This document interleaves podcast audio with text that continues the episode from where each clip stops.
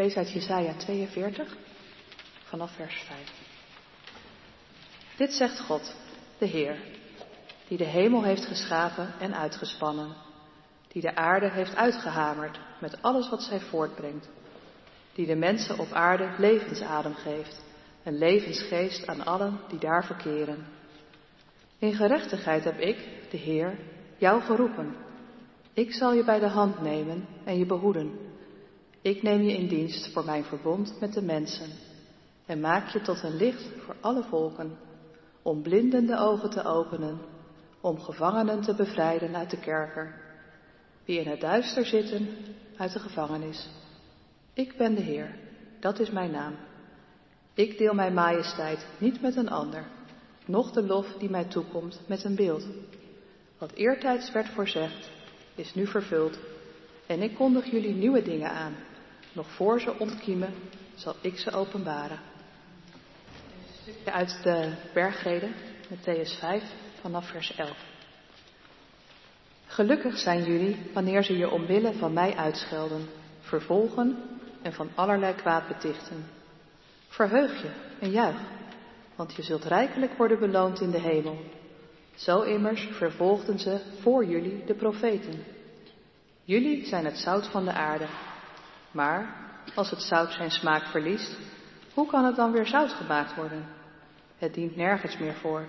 Het wordt weggegooid en vertrapt. Jullie zijn het licht in de wereld. Een stad die bovenop een berg ligt, kan niet verborgen blijven. Men steekt ook geen lamp aan om hem vervolgens onder een korenmaat weg te zetten. Nee, men zet hem op een standaard, zodat hij licht geeft voor ieder die in huis is. Zo moet jullie licht schijnen voor de mensen, opdat ze jullie goede daden zien en eer bewijzen aan jullie Vader in de hemel. Dit is het woord van God. Gemeente van Jezus Christus. In die eerste lezing van vanmiddag uit Jezaja, over diegene die geroepen wordt om in dienst te zijn voor Gods verbond met mensen, om licht te zijn voor alle volken. In die tekst gaat het over de knecht van de Heer, of in de nieuwe Bijbelvertaling de dienaar van de Heer. Dat kun je lezen aan het begin van hoofdstuk 42. Die knecht van de Heer, dat is een figuur die in deel 2 van Jesaja, hoofdstuk 40 tot en met 55, regelmatig terugkomt. Hij heeft de taak om mensen bij God te brengen, om mensen te onderwijzen in het recht van de Heer, om mensen bevrijding te brengen, om een licht te zijn voor alle mensen, voor alle volken. Wie is dat, de knecht van de Heer? Ja, dat is in Jezaja wat mysterieus. In de eerste teksten over die knecht van de Heer is het duidelijk het volk Israël in ballingschap. Zij worden geroepen om knecht te zijn van de Heer. Maar als je verder leest in dat deel 2 van Jezaja, dan verschuift gaandeweg het beeld en dan lijkt het er steeds meer op dat God één individu aanspreekt en tegen die ene zegt, jij bent mijn knecht. Jij moet mijn volk redden. Jij moet alle volken redden. En er wordt dan gezegd dat die ene knecht plaatsvervangend lijden zal ondergaan. Ons lijden, onze straf. Zijn striemen brengen ons genezing. Jesaja 53. En wie het is, die ene, ja, dat wordt niet expliciet in Jesaja. In deel 2 van de Bijbel, in het Nieuwe Testament, komt Jezus. En hij identificeert zich met die ene knecht. En hij zegt, ik ben het licht van de wereld. En de schrijvers van de evangelie en van de brieven, die laten op allerlei plaatsen in hun teksten zien hoe volgens hen teksten over die knecht van de Heer helemaal waar worden bij Jezus. Jezus is de knecht van de Heer. Een voorbeeldje in Matthäus 12, hetzelfde evangelie als de tweede lezing. Daar wordt het begin van Jesaja 42 toegepast op Jezus. Jezus is de knecht van de Heer. Nou ja, dat is eerlijk gezegd ook wel een opluchting, toch? Ik bedoel, die verschuiving. Als mensen van God die knecht moeten zijn. Wij. Licht zijn, redding brengen. Gelukkig is dat Jezus. in wie God zelf is gekomen om licht te zijn en redding te brengen. Hoe zouden wij ooit licht van de volken kunnen zijn? Of redding aan de volken kunnen brengen? Opluchting. Maar vandaag duurt die opluchting dus maar heel kort. Eigenlijk duurde die zo lang als dat het lied tussen de beide lezingen duurde. Want in die tweede lezing hebben we gehoord dat Jezus tegen zijn leerlingen zegt, jullie zijn het zout van de aarde, jullie zijn het licht van de wereld. Jezus laat zijn leerlingen, dus ook jou en mij, delen in die roeping. En jij, ik, wij krijgen de opdracht om zout en licht te zijn. Zout is smaakmakend en bederfwerend. Daar kun je van alles bij voorstellen. Ik denk dat het in elk geval betekent dat, dat mensen die met God leven en die Jezus volgen, een beetje smaken naar God. Een beetje proeven naar Jezus, om het zo te zeggen. En om dat heel kort en krachtig samen te vatten, ik denk dat je bij mensen van God iets van Gods belangrijkste eigenschappen kunt proeven. Loyale liefde, of in oudere Bijbelvertalingen goede tierenheid en trouw. Wat jij doet als volgeling van Jezus, daar zit iets in van een liefdevolle smaak. In wat je doet ben je betrouwbaar. Je bent een volgeling van Jezus en daarom heb je iets duurzaams over je als je met mensen omgaat. En dat werkt beslist eh, bederverend. In onze stad, op jouw werk, de plek waar jij studeert. Liefde en trouw, dat werkt bederverend. En jij, jij proeft daar naar. Naar liefde en trouw. Dat is zout. En licht. Jullie zijn het licht van de wereld, zegt Jezus, ook tegen ons. Licht is oriëntatie in het donker, zodat je niet verdwaalt in het leven. Daar is in onze tijd eh, veel behoefte aan.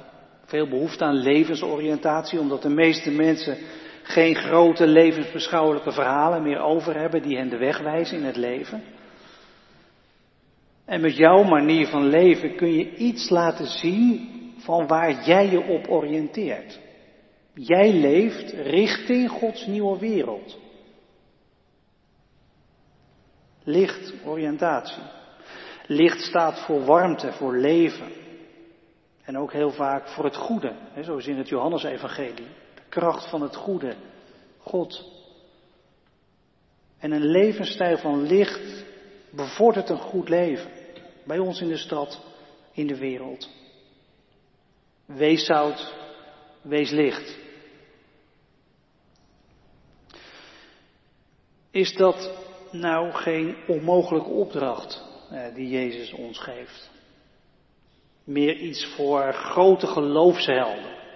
Eh, die ken je ook wel uit de geschiedenis misschien. Mensen die het echt ja, in praktijk hebben gebracht, maar jij en ik. Nou ja, als je zegt, als je ziet wie Jezus' eerste gehoor zijn. Jezus heeft dat tegen een clubje leerlingen die op een berg naar hem zitten te luisteren. Een heel klein kwetsbaar clubje. Geen megakerk met heel veel leden en heel veel activiteiten en een enorme begroting en een supergrote kerk. Nee, klein clubje mensen. Ze hadden alleen Jezus en elkaar. Bepaald geen geloofshelden, die mensen die daar op die berg zaten. Maar leerlingen die alle kanten op konden en ook gingen. Ook bij Jezus vandaan. Van Petrus, de man met de grote woorden en het harde verraad, tot uh, aardstwijfelaar Thomas, die vanmiddag nog geloofde en morgen zijn geloof helemaal kwijt kon zijn. Dat soort mensen. Maar toch, ja, leerlingen van Jezus. Die, die niet van Jezus losraken, toch niet. Ook omdat Jezus hen telkens opzoekt als herder. Als je goed naar die eerste leerlingen van Jezus kijkt, die daar op die berg zitten. Ik weet niet hoe jij daarover denkt, maar als ik naar hen kijk, dan denk ik wel, ja, dat is een clubje mensen, daar kan ik wel bij gaan zitten. Dan val ik helemaal niet op. geraakt en geboeid door Jezus, maar, maar geen mensen met altijd een enorm triomfantelijk geloof. Gewone mensen. Leerlingen, dat wel. Van Jezus. Grote opdracht om zout en licht te zijn, ergens wel. Zeker. Maar laat ik er nog twee dingen over zeggen.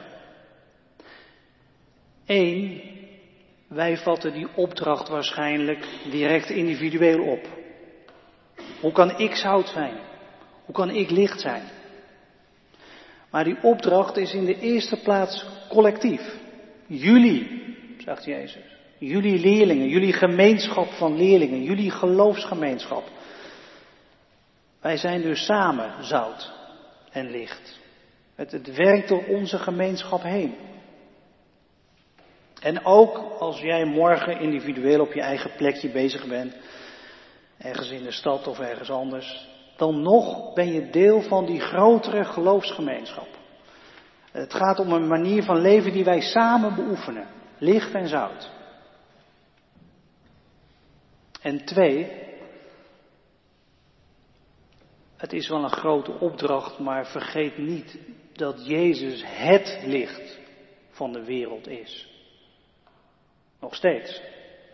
En hij woont met zijn geest in onze geloofsgemeenschap. En ook in mij en jou, individuen.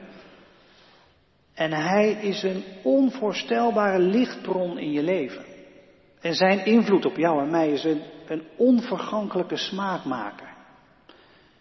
Blijf gewoon dicht bij Jezus. Hij werkt door je heen. En laat zo jullie licht maar schijnen voor de mensen, opdat ze jullie goede daden zien. En eer bewijzen aan jullie Vader in de hemel. Amen.